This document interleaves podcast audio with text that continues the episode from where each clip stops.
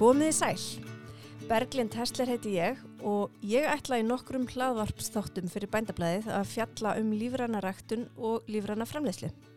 Sjálf hef ég reynslu af kórutvekja en þó ekki nándanæri jafnmikla reynslu og fyrsti viðmælandi minn, Eigló Björk Ólafsdóttir, lífrætt bondi á Vallanessi á Hjeraði og annar eigandi framleyslu fyrirtækisins Móður Jörð sem hún rekur á samt bonda sínum einmyndi Magnúsinni.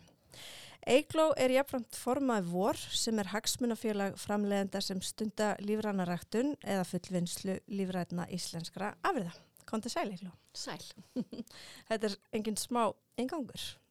Takk fyrir góða kynningu. Þetta sumirar þig upp, er það ekki? Jó, já, svona allavega með það sem mamma er að gera í dag, jú, Já. vissilega. En þú ert líka viðskiptafræðingar. Já, Já. Það fer bara vel saman við lífrana ræktur. Sko. Er það? Já. Já. Og kannski bara, einmitt, hérna, e, frekar óvinnilegt. Já, það þótti mjög, hérna, ég held að margir hafi svona lift brúnum þegar ég ákvaða að taka þetta skref fyrir tíu árum. Og það er, já, það er ekki margir viðskiptafræðingar í, í bætastett. Nei. En það voru líka óvinnilegi tímar sko, það var svona viss kölluna því að hérna, það var svona, ég kannski uh, náttúrulega mjög, mjög ákveðin bakgrunn í matvælum og hafði svona lengi haft áhuga á því og vaksandi áhuga á því hvað maðurinn minn var að fast við og hvað, hvað var að koma upp úr jörðinni hjá honum. Svo hrundi Ísland og hvað gerir maður? Þá skiptir maður um starfsvettan Já, fyrir ræturnar. fyrir að gera eitthvað skemmtilegt og gaglegt og, og, og svona. Aha. Þannig að hérna, en þetta fer, sko það eru svona rektun og þetta svið í dag er bara opaslega fjölbreytt og gerir kröfu til fólks á, á alls konar sviðum. Mhm. eins og allir, allir þekkja sem held ég í landbúnaði að þetta gerir bara margvíslegar kröfu til fólks, fólk var að kunna mjög margt. Og en það sem svona rak mig á staði þetta var áhuga á vöruþróun og, og svo auðvitað að, að búa til góða mat. Ég hef bara alltaf haft mikið áhuga því að búa til góða mat. Einmitt. Þetta helst í hendur. já, En þegar þú svona Reykjavíkumær ferð þarna austur og kynnist bonda, þetta einmitt, þetta hefur verið mikil svona um, umvending og einmyndur hann náttúrulega var, byrjaði bara sem hefbundin kúabondi og svo breytist allt. Um, var, var bærin orðin lífrætt vottaður þegar þú komst til sögunar? já þetta, þetta var sérst í öfuru röð sko. Fyrst, fyrst kynnist maður bónda og svo flyttum út á land Já, já, já, auðvitað. þú fannst hann ekki þar, eðlilega. En hérna, já, það er sagt, um, Vallanes er eitt af fyrstu bílunum á Íslandi sem hlýtur vottun og þeir eru nokkri bændur hérna í kringu 1990 sem að fara svona að vinna saman og búa til grunn að vottunarkerfinu. Og hérna, þannig við, við notum ártali 1990, þetta var svona, já, undir 1990 sem að, að menn byrjuði að búa til þennan grunn og, og, og íta á um að það eru búna til reglur á Íslandi og lög og reglur um þetta. Og, en fyrst í stað var þetta vottað samkvæmt Soil Association sem er bresk vottunastofa og síðan var til vottunastofan Tún og við svona notum ártalið 1990 þegar við svona teljum að sé upp af, af vottari lífnæni framleyslu sangat íslenskum reglum. Mm Maður heyrir svo oft í uh, þessari umræðu að það sé allt svo reynd og það sé eiginlega allt bara eiginlega lífrænt frá náttúrunar hendi hérna á, á Íslandi. Hvað rak ykkur, eða þau, ef þú getur svara fyrir það, hvað rak fólk af stað þarna á þessum tíma í að fara út í þetta? Sko það er svona ákveðin grunnprinsip í lífrætni ræktun sem að, að þegar fólk, já, sem að, sem að held ég að hafi bara uh, er það sem laðar fólk að. Það er þetta grunnprinsip að rækta til dæmis í jarðvegi og leifa náttúrunni svolítið að hafa sinn gang og svo auðvitað þú ert ekki að nota neinn kemisk eiturefni. Uh, enga skortýravarnir, enga svekka, ekki sveppavarnarlif og hérna og uh, síðan að, að forðast þetta tilbúna kemiska ábyrg sem er náttúrulega ráðandi innihald því miður í landbúnaði á Íslandi og okkar kerfi svona almennt gengur svolítið út frá því að, að það sem notast við tilbúin kemiskan ábyrg. En þetta held ég að hafi verið og svo auðvitað ertu með, sko, í lífrætni ræktun þá bara ertu með betri vöru. Þú, það er meira eins og ef þú ræktar plöndur, það er meira magna þurrafnum, plöndurna taka meiri næringu upp úr jarfinum, meira steinefnum og, og vítaminum og allt þetta. Þannig að þú ert með betri mat fyrir utan það að, að vera laus við þetta sem við vitum að við þurfum ekki sem er auðvitað áhrif af, af einhverju eitri. Mm -hmm. Þannig að þetta er, þetta er svona bæði gæði og, og ykkur hugsun um að, að þetta sé betra til framtíðar. Mm -hmm. Þannig að þetta má eiginlega líka segja að þetta sé reysastort umhverfismál og líðheilsumál. Alveg tvímálust. Líðheilsa, sko, meðum ekki vann með þetta hana vegna þess að það er jú alveg staðnind á undanföðnum áratugum hafa, hefur næringagildi matvæla almennt verið að minka og það er meðal annars vegna þessarar einföldunar sem búið er að, að uh, koma á með uh, segi, þessum tilbúna ábyrði sem inniheldur einungis brot af þeim hérna, efnum, grunnefnum sem að, sem að hérna, jarfugurinn þarnast og plönturna þarnast. Þetta er miklu flóknara heldur en svo að þú getur bara staðlað skiluru, það sem þær þurfa mm -hmm.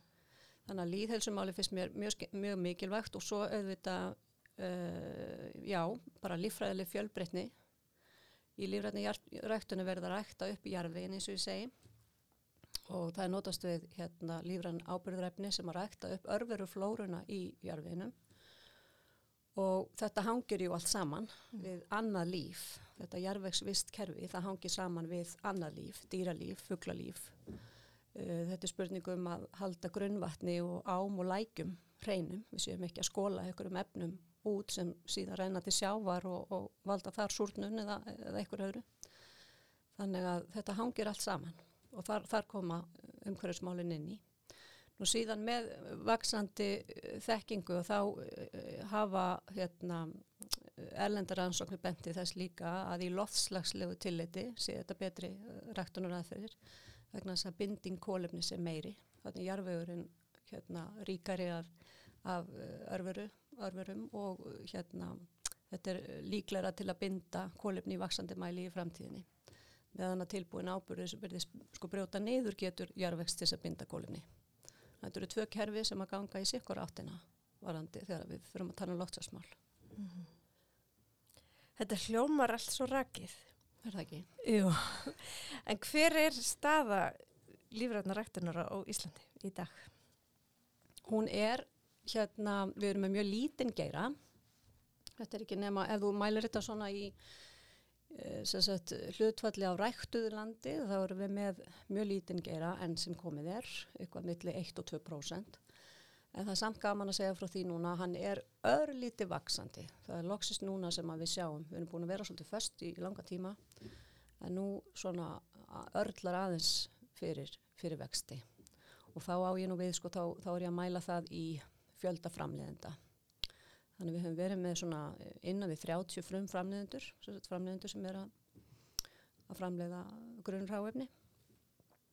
Og hérna og núna er aukning uh, já nú er fyrir þetta nálgast töluna 40 mm. með þeim sem eru komnir inn í vottun og svo með þeim sem eru í aðlun þannig að það bólar aðeins á, á aukningu. Glæsilegt. Um, Þegar þú horfir til annara landa hver, hvert myndur helst að horfa til hver, hver er svona stendur fremstur meðaljafningja í þessum efnum? Það held ég að séu nú sko þýskumælandi löndin við Alpana, Sviss og Austuríki. Sviss er, svona mikil vakka lífrættanræktunar, þar hefur verið líka mikið svona rannsóknar og þróunastarf, þar eru gríðarlega öflögir í landbúnaði og þar er hérna rannsóknarstofnun sem er bara til einhver lífrætni landbúnaði. Austuríki er það land sem er með hæst hlutfall af lífrætniræktun, ég held að séu komnir bara fara nálgast 40%. Þannig að þessi tvö lönd skara svolítið fram úr. Svo eru lönd bara hérna næs, nær okkur sem eru að sína ofsalega mikil nárangur og mikil þróin er og þar er Danmörk og Svíþjóð. Danmörk til, til að mynda er búin að setja sig það markmið að allur landbúnaður þar verði orðin lífræðin innan tíu ára Svíþjóð er með svæði uh, eins og til dæmis svona í mið og norður uh, Svíþjóð sem eru með mjög hátt hlutvall. Ég held að það séu komnir upp í 40% í Jamtland til dæmis. Og hvað, hérna, hver heldur að skýringi sé? Er þetta fyrst og fremst eftirspurn eða er þetta stjórnvöld og eitthvað nátt að kveika perunni? Hvað heldur þið? Já, sko það er örgulega, sko, hérna, þetta er eftirspurn, en síðan er sko nálgunin það sem hefur til dæmis vakið aðtikli hjá, hjá dönum. Það er bara hvernig þeir hafa nálgast þetta. Þeir hafa svona tekið lífrannaræktun og þeir voru náttúrulega komnir í óefni með sinn landbúnað. Mm. Mikla mengun og vatni og, og, og jarfuðurinn bara bóstarlega í mjög slæmi ástandi. Þannig að fyrir svona 30 árum held ég að það sé rétt að segja og þá hérna er, þessu, er þetta tekið utanum þetta svona heilstækt og þessi kift svolítið upp og gert af stjórn eða hvað ég segja svona pólitísku máli. Mm -hmm. Lífranræktun, nál, þeir nálgast hana eins og byggðastefnumál. Þetta er hluti af byggðastefnunni og síðan hafa þeir náttúrulega gert mjög svona viðtaka ofinbera aðgerra áallun sem breytir svolítið um takt svona kannski ára fresti en þeir eru búin að vera í markvísri svona stefnumótun og, og, og unnið sangat aðgera áallun núna í 30 ár. Undirbyggðu það náttúrulega með rannsóknum og hafa sett inn svo markvíslegan stuðning til framleiðenda og síðan náttúrulega bara leist úr ákveðnum málum. Þannig að þeir hafa tekið þetta bara mjög heilstætt og, og þetta eru svo margi snertiflitir út í samfélagið Það var til að mynda beitt sko ofinbjörnum innköpum mjög mikið í áttanlífurnafnum landbúnaði til að búa til markað og svo framvegs. Og já, þannig að það er, það er svona, þeir vekja mikla aðtikli um þessa myndir einmitt fyrir það hvernig þeir hafa farið að þessu. Og til grundvallar hjá þeim þá er einmitt þeir marka sér ákveðna stefnu þegar einhver sín. Og það er kannski svolítið sem að okkur hefur skort hér og það er kannski fyrst núna sem að vera að gera matvælastefnu fyrir Ísland. Hefur svona, finnst þið líklegt að þetta eftir að breytast núna á nýjum áratug? Já, ég, ég hef hérna bara sterkast sannfæringu mm -hmm. að hérna vegna þess að þetta, það er í raun og veru engin rauk fyrir því að gera ekki neitt þau rauk eru ekki til staðar þegar að mann horfa á bæði eins og segi gæði matalana og svo þessi loftslagsmál sem eru náttúrulega bara mjög brínt og það þarf að gera miklu meira heldur um margir átt að segja á og það þarf að gera það miklu fyrr. Og útbreysla lífans landbúnaðar held ég að sé bara rosalega góðu mæli hverði á hvert við erum að stefna. Og, og að því að þarna er sko öll hugsun í lífrana hérna, kerfin er svolítið þannig. Þetta er ringrásar kerfi losun er svona cirka 40% minni heldur en ég hef bundur landbúnaði.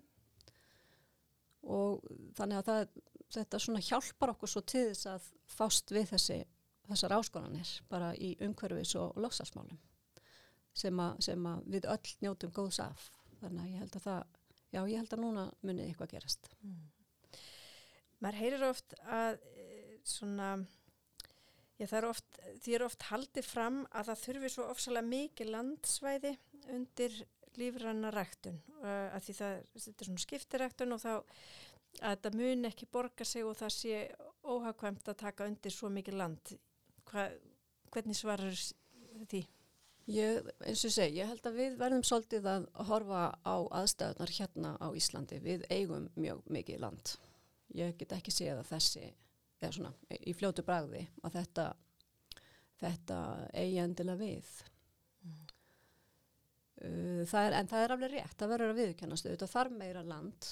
Það er vegna þess að það þarf að kvíla ákveðin landsvæði á, á milli og, og hérna, stundaskiptiræktun. Þannig að jújú, jú, þetta, þetta krefst aðeins meiri, meiri land, meira lands en við höfum tækifæri til vakstar. Krefst, já og svo er það líka uh, krefst meiri þólinnmæði.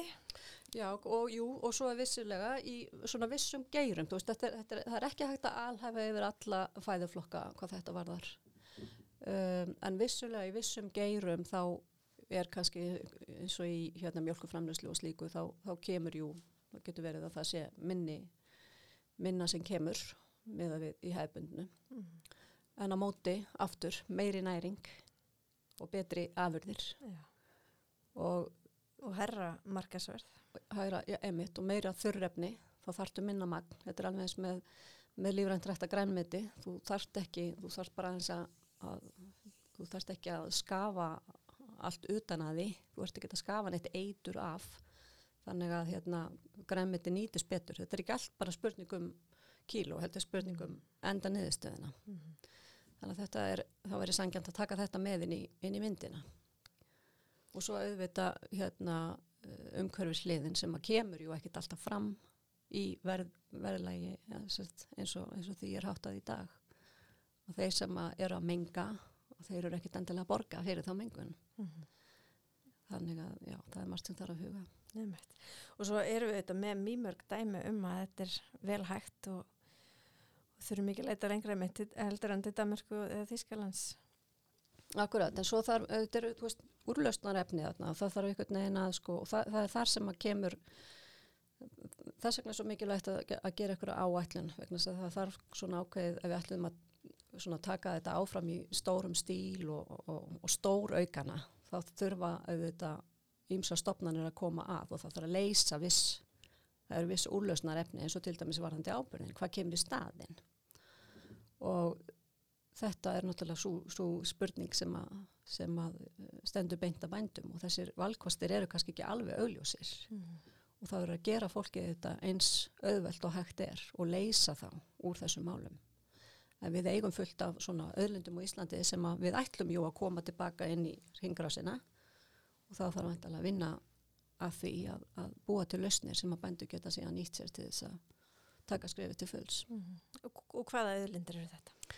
Þetta er bara uh, allur lífrætt úrgangu sem getur komið af bíli. Ef, ef við tökum bara svona kannski nærtakast eh, það sem, að, það sem við erum til dæmis að, að hérna, sem lífrætt bíli, þá er, nota maður allt sem að, allan afskurð og, og allt sem kemur á framlösluðin og eða veitingahúsið, þú kannast nú við hvað mm. hva kemur á veitingahúsið, þú getur nýtt það. Uh, bændu getur nota gammalt hei, allan búfjáráburð og síðan má líka nota fiski, það sem kemur úr, úr fiskvinnslu eða sjávarútegi þannig að það má nota þang og, og slíkt sjáagróður þannig að það eru og auðvitað náttúrulega moldu og það, þessu má hérna blanda saman með ymsum hætti en, en, en molta til dæmis sem nú þegar er verið að vinna á, á ymsum stöðum og það, hún er mjög gott ráðafni líka. Já það er svolítið svona að, að færast í og við erum komið hérna, flott fyrirtæki fyrir norðan sem er núna að leggja áherslu á þetta. Er þetta þetta er eitthvað sem bændur geta nýtt sér. Væntalega, já, já. svo mögulega þarf kannski að bæta ykkur við en eins og ég segi þessu, þessu þetta eru mm. bara úrlösnar efni til þess að einmitt, og það fós fór sér, sérlega sko. En hérna, en þetta ég bara að nálgast eins og hvert annað að það nálgast eins og hvert annað úrlösnar efni, þannig að við erum með rísosa mm.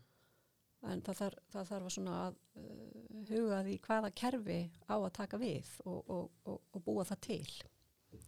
Einna veikur lekkjónum í þessu hjá okkur hér á Íslandi er skortur og rannsón.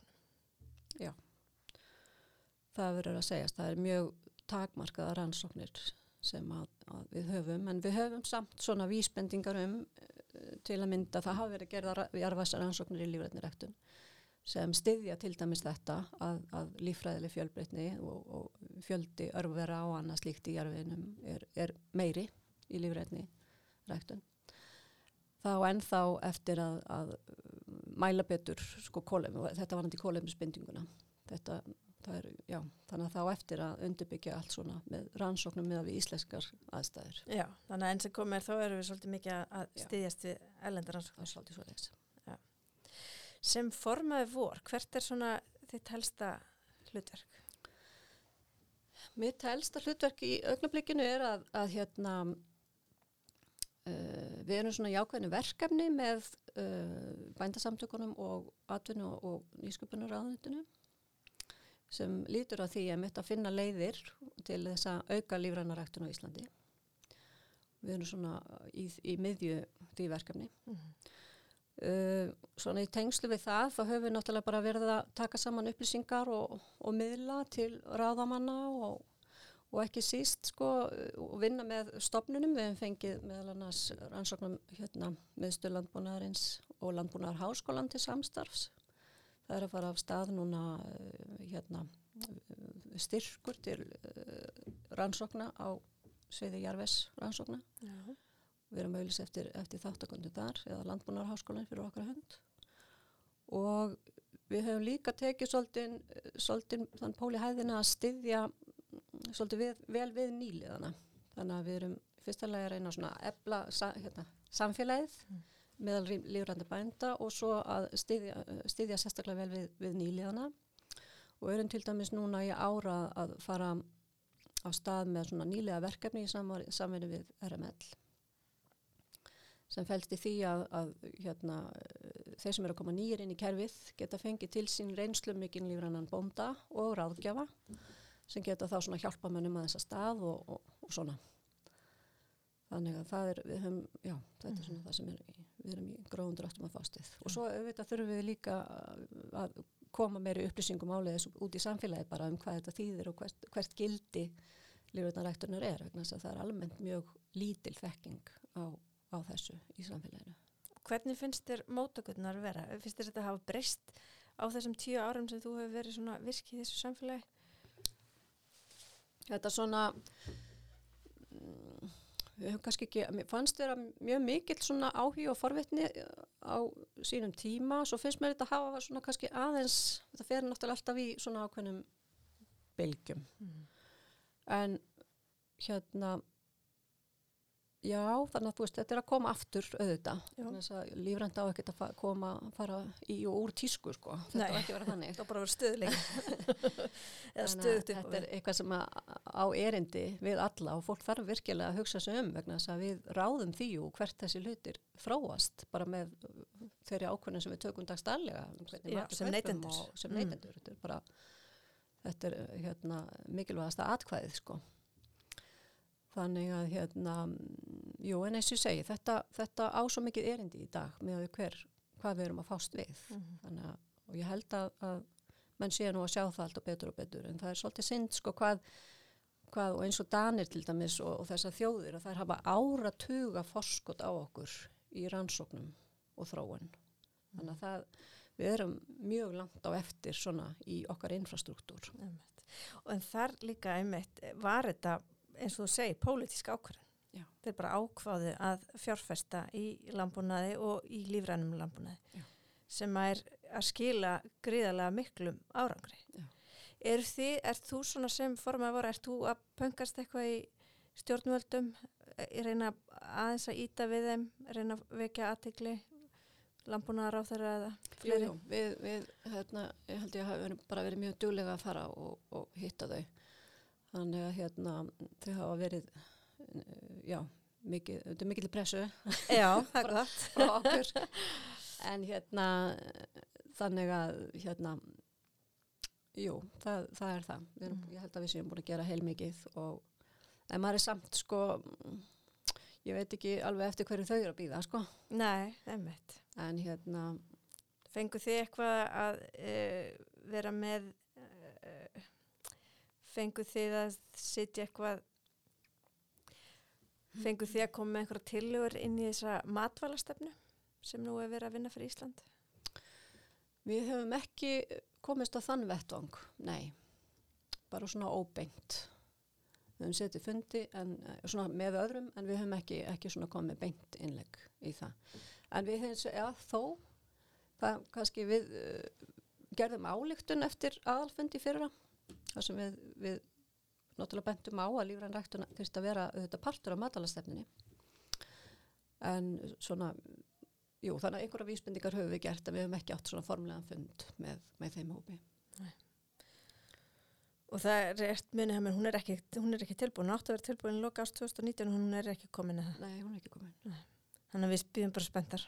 Já, já, þetta er, þetta er svona líka, einmitt, þetta er nú, þetta er nú, sko, þetta er stórt og mikið kerfi, þetta er landbúnaða kerfi. Þetta var nú svona, þetta er svolítið svona fyrir utan að komandi að, hérna, þú veist, átt að sjá því hvernig þetta virkar og, og svona, þetta er, þetta er Þetta er ekki fyrir, fyrir rétt. launþeg að koma sér inn í, sko. Nei, og hvað er hver er rétta, hvað eru réttu takkarnir, sko. En hérna, já, þannig að það tekur svolítið tíma að þessu því. Já, það er emitt. en best væri þetta held ég sko ef að landbúnaðurinn tæki þetta svolítið upp líka sjálfur sko. Já, að hérna að það, það hefur átt sér stað mikið samtal og en þess að segja það þurfa margir að koma að þessu. Já. En það er náttúrulega, er kannski svolítið stóra máli að hérna, það er alltaf að tala um að það takir svo langan tíma að breyta kerfinu og það sé svo þungt í vöfum og svona. En það er kannski það sem við stöndum frammi fyrir núna er að við höfum kannski ekkit svo mikinn tíma. Nei, við höfum ekki mikið tíma og svo held ég að það sem, það sem að auðvita eða svolítið ráðandi þáttur í þessu öllu er bara landbúnaðarkerfið í heild og, og, og styrkjakerfið og þar höfum við komið með hérna, skýrar ábendingar um hvernig hægt er að, hægt er að hérna, snýða það að þessum raunveruleika og það sem að sko aðlöðunastöðningurum var aukinn töluvert fyrir nokkrum árum sem að er að skila sér held ég núna í því að við erum með fleiri nýliða það er mjög gott og þetta var ákveðið á búnaðaþingi hérna fyrir nokkrum árum og, og virkilega gott mál. En síðan er það þessi almennu kvatar, það er það sem að vantar. Ef þú horfir á bara búuru samningana eins og þeir líti út í dag, þá er engir almennir kvatar sem að, að hérna, íta undir lífrænt frekar en annað. Og þarna eru, eru hérna, við hefum komið ábendingar um það hvernig með búa til þessa almennu kvata að því að vissulega, þetta er svona eins og hefur verið gert í Europasambandinu til dæmis að það er jú ákveðin, kannski jarðrækta stuðningur og ákveðin stuðningur við landbúnað per se og svo er viðbót fyrir lífrannaræktun og ef þú blanda skógi þá færðu eitthvað, eitthvað viðbót og svoleiðis þannig að þessi almennu kvati til að íta mönnum í áttað umhverjusverðni leinum þetta, þetta Einmitt, það sé svona, einmitt, ef þú velur að fara umhverfisveitni leið en ella þá ættir í rauninni að rétt á meiri bítum, já. þannig að það sé verið að stýra fjármagninu í áttina sjálfbarni þannig að það, það er svona bara, já, skýr, skýr ábending Já, það er svolítið stort mál. okkur, já. Um, við förum aftur heim á bæ, hvernig nú er þið með hérna mikið vöru úrval og, og hérna, hvernig myndur lýsa fyrir okkur svona ykkar starfsemi? Já, sko við bara förum alveg að setja niður fyrstu frægin, sko Já, það. það er næsta mánuði Já, það búið að vera svo fínt veður fyrir austan. Þetta er reyndar allt innan hús Já, en, hérna, en við, við ræktum sérst þetta engungu plöntur, við erum að rækta korn, bygg og kveiti og, og repju. Og svo erum við með tildulega fjölbreytta græmitsræktun og uh, þetta er auðvitað ástíðabundi vegna við erum á köldu svæði og höfum ekki jarðhita þannig að við erum með útiræktun á þessu öllu saman. Og þá fer svona undirbúningurinn að stað í svona februar mass þá förum við að setja niður fyrstu frægin í græmitinu býðum svo þólum að þanga til að það eru, það er plöntur og nóga stóra til að fara út og hérna síðan í april, svona miðjan april og fyrir miðjan mæ þá erum við að sá korninu sem og svo er aftur á uppskorið í, í svona ágúst-september september og oktober jábel fyrir allt eftir því hvernig veðrið er. Er nú aldrei að vísa hann að róa með það sko. En hérna en síðan það sem að svona kemur auðvitað undir uh, svona, uh, undir, svona það sem kemur fótunum undir heilsa starfsemi á svona bíli það er líka fullvinnsla verandi í útiræktun sem er mjög ástíðabundin og þá er það líka fullvinnsla sem að svona býr til þennan hérna grundvöll fyrir starfsemi allt árið.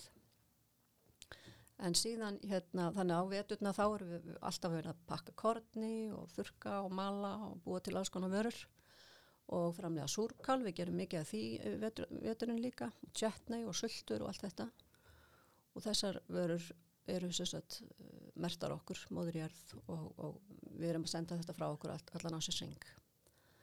Uh, við erum líka eins í ferðarþjónustu, þetta, það fer afskaplega vel með svona matalaframlisli líka.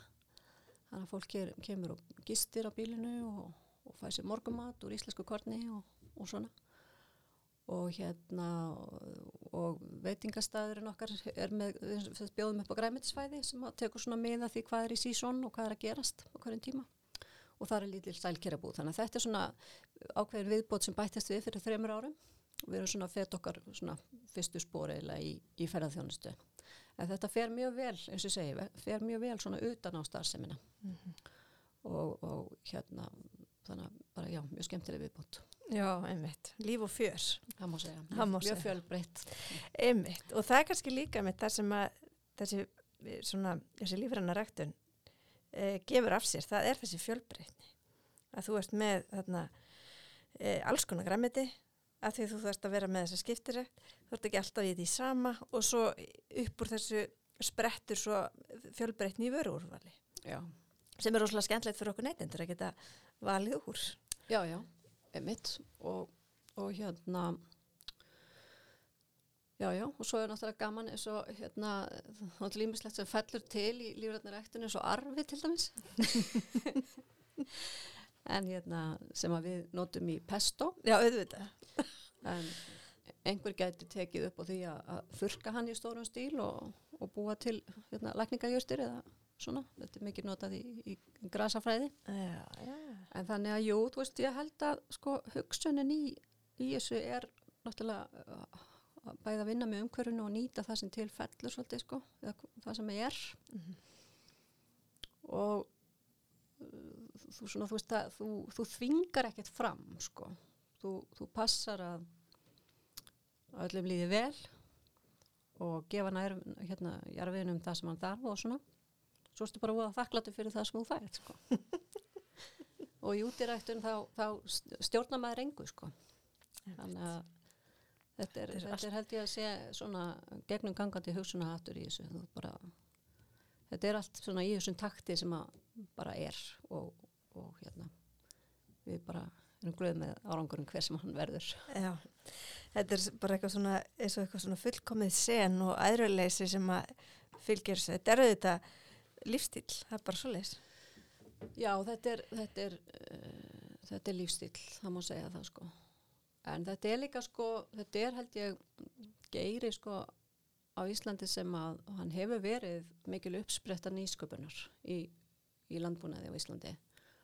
Og hérna, og svo er þetta nú líka, veist, það, það er margt sem að, veist, í, í, einstökum uh, þáttum, það getur við líka verið að fá meiri uppskeru heldur en aðrir, sko. Þetta er, þetta er, og meira, veist, vöru sem að endist lengur og svo framvegis. Það hefur mar margóft fengið að heyra það eins og með, með græmituð okkar hvað þetta bara stendur svo lengi. Salathauðsarnir eru bara spriklandi hérna og standandi bara eins og. Þannig að þetta, þetta er mjög gott, gott hráefni. Mm. En hérna, en já, veist, þetta er, þetta er mikil, mikil gróska hver og einn framlegandi ræktandi þarna er að, er að hefur eitthvað svona eitthvað svona kjarna og, og, og hérna já, og reynir Já. að bæta ykkur við Einmitt. Þannig að, já, einmitt. Þannig að úrverður, þetta er, að það máli segja, þetta er ekki margir framleiðendur en þetta er ansi fjölbreytt úrval. Það er til dæmis að skoða alla framleiðendur inn á, á tún.is, er ekki rétt sem er? Jú, líka inn á, já, einmitt, vatnunaskrána er að finna á, á tún Mm -hmm. og hérna síðan inn á Facebook vor, þar, er, þar eru við líka að setja inn bæði alls konar svona frétta búta og niðurstóður rannsóknum og upplýsingar af einstökum framleiðendum. En í dag, í raun og veru, ég myndi það er, það er töluvert af grænmeti ræktað og fyrir vaksandi. Við erum með hérna, mjölkur búskap líka, biobú og, og það sem þau gera. Þannig að hérna, mjölk og jógurt og, og, og allt í kringu það. Osta. Osta náttúrulega, já, havartí og fleira. Mm Og þau voru nú líka komið með þetta nýja svona rjóma osta og svo. Einmitt. Og nú það er lambakjött uh, og það er kornmurur, bygg sem sagt og repjólja, sem sagt matarólja og hérna og dálítið af fullunum vörum bara uh, það sem maður náttúrulega vantar inn en þá er eins og svínakjött kjúklingar, þetta er ekki og, og nautakjött er af, af skortinskamti ef nokkuð það vantar ennþá í þessum, í þessum svona klassísku greinum sko. það vantar að það er heldur betur Heldur betur. Hvetjum alla. Hérna, en það er eitt sem ég, mér langaði að hérna, staldra við, þannig að ég var ekki alveg búið með bæinn, sko. Það er, þið eru náttúrulega hinum einlandinu, langt frá stærsta markanum sem er í Reykjavík. Um, hvernig, hvernig gengur það? Hvernig gengur að koma þessu alltaf markað? Hvað, e, þú veist, þýrst að vera meiri stuðningur upp á hérna fluttningsskjöld? Hvað finnst þér um þetta? Eða þú veist, getur sveitafjölu staðið sér betur í að styðja við uh, framlegendur? Já, sko, ég, mér hefur svona persónulega fundist kannski helstu ókostirnir við þetta að það er þessi óvisa sem að fælst bara í því hvernig náttúran hafa sér það og það árið. Og þetta svona samtryggingakerfi gagvarsbændum sem eru að vinna með náttúrunni bara, við erum alltaf að gera það það er ekki nóg tryggt. Og þannig að mér finnst þetta að vera svona svolítið vond að vita ekki svona hvar maður stendur þegar það verður til dæmis uppskýrubrestur sem er náttúrulega kemur af og til. Eins og síðasta sem var hérna bara, bara of, of lítil, lítil sól sko, það var bara kallt og þurft og, og skíjað mm -hmm.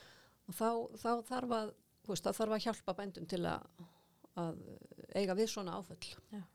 og sama í útiræktun sko að hérna, ég held að við höfum verið að fá síðasta nætufrostið í júni, sko 9. júni og þá þegar þú ert búin að setja plönturnar út í jörð sko mm. og kemur frost þá fara þar í blóm þannig að hérna, veist, það er svona hluti sem verður að hjálpa fólki með sko. Mér finnst þetta kannski mesti, mesti gallin það er ekki svona skýrt hvað þú færð og hversu mikið og, og, og hvenar þetta er bara ekki þróa kerfi. Því það er jú svo mikið í húfi, þetta er náttúrulega líka spurning um fæðuriki að við séum sjálfum okkur næg um mat. Þannig að það er eiginlega skrítið að það skul ekki vera öflugra kerfi í kringum okkur. Já, þetta er, svona, þetta er nú það sem ég held að sé að rekja bara marga útiræktendur í eitthvað annað sko. Emmett, fólk missi móðin. Já, hún er bara í, í mikilli svona, bara mikil mingun á útiræktuðu græmiti. Mm. Sem er, sem er synd sko. Já, einmitt. Á sama, sama tíma er fólk einmitt svo mikið að kalla eftir Já. aukinni græmitsframleyslu í Íslandin en einmitt það er eiginlega of E, það er eiginlega of tilætlun og samt að ætlast til þess að fólk bara tækit upp í sjálfu sér eitt og óstutt já, já. já og beri, beri svona lag, ég segja það, veist, við svona erfiðar aðstæðis þannig að það er, bara það er svona svolítið pólitísk ákvörðun að ákveða það bara að, að hjálpa fólki skilur yfir að verja það gafkvæmst svona áföllum. Mm -hmm. um, jú, ég minna fjallað er þetta töluverð sko og, og það er kannski oft bara uh, slæmt að geta ekki verið á markanum og svona pöngast í búðunum eitthvað. Fá mér að plassa ég, og hafa veruna í réttum stað í hillinu og eitthvað. En hérna þannig að það hefur þú veist það er alltaf ákveðið viðfórsefni að eiga við það.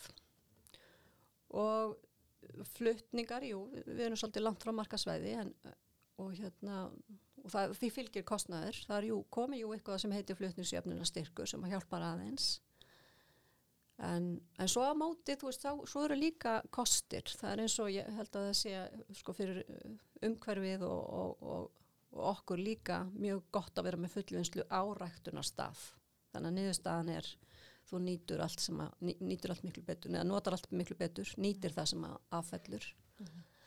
og hérna, og þú, það ertu búin að kötta út alveg eina flutningsleið. Þannig að þú ert með, þetta er mjög e, umhverfisvænt mótel. Emmett. Seljiði mikið á Östurlandi, eða þurfið að fara með? Jú, jú, við seljum mjög mikið á Östurlandi en Östurlandi er lítið. Það eru tíus mann sem búa í fjárhundunum þannig að, að hérna, yfirlega eru, eru menna að senda frá sér sko. Mm. Um, svona aðlokum, hérna borðað þú alltaf lífrænt? Ég stend ekki alltaf frammi fyrir eh, þeim valkostum verandi á Íslandi en jú, mjö, jú og vaksandi græmitsfæði þetta, hérna, þetta er orðið mjög mikið svona plöntubaserað hjá mér. Þannig að þú e, það er alltaf fyrsta val. Já, Já. Og, veist, allt svona innflutt þurfara til dæmis ég, ég kaupi hana næringungu lífrana þannig að það hérna, þetta skiptir allt máli Um. En ég reyni, reyni hins vegar sko, eða reyni ekkert, ég gerði það sko, það í öðru, þú veist, uh, ef, það er, ef, það, ef ég, hérna, ef það eru íslenski valkostir sem ég veit að eru góðir og þá, þá kaupi ég þá. Ég menna ég kaupi íslenska tómata, veist, umfram það sem er innflutt, ég gerir það Mm -hmm. þannig að, þannig að hérna, og paprikur hugsa mikið um Já um, Hvaða viðmælanda myndir þú vilja fá næst í þennan hlaðvarpstátt? Ég held að væri mjög fróðlegt að tala við Kristján Ótsson á Neðrahálsi kúabonda og, og, og umhverfisaktivista. Við skorum á hann hér með. Innilegar þakkir fyrir spjalleglu og alltaf fróðlegt að spjalla við þig um lífrannaræktin og allt hitt. Og bara gangi ykkur vel í, í sumar og megi sólinn skýna sem erst Takk fyrir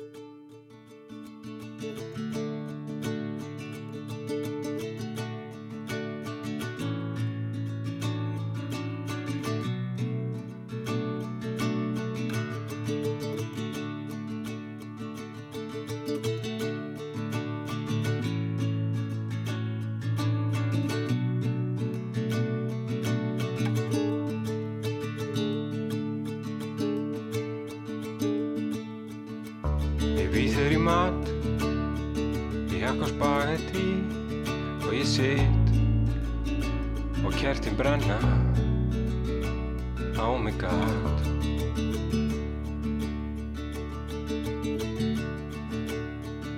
Og svo kemur þú inn Og þú tók með pappa þinn Sem að tekur svo fast Í spaðan minn.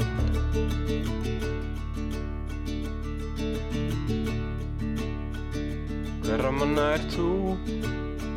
Spyr hann og skýtur að mér. Blá Köldum augum Svo ég kasta upp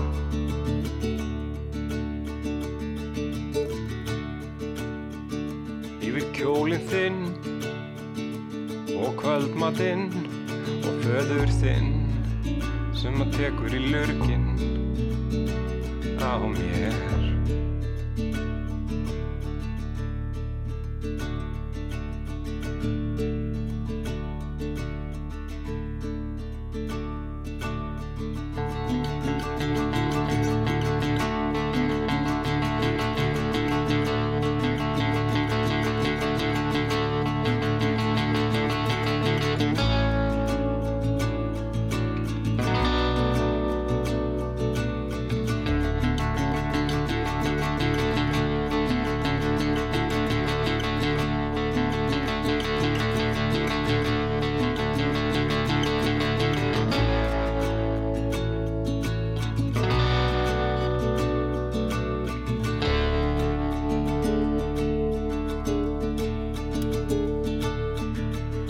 Pappi bað um önd. Nú missir hann sig en ég en ég vissi ekkert um hans líf.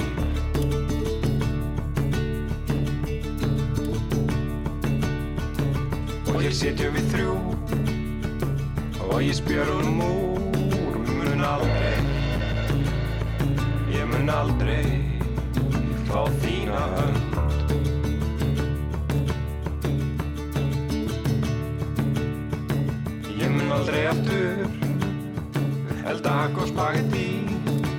mun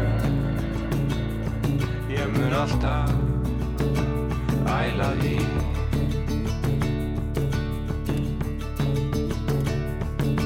Ég mun Ég mun alltaf Æla því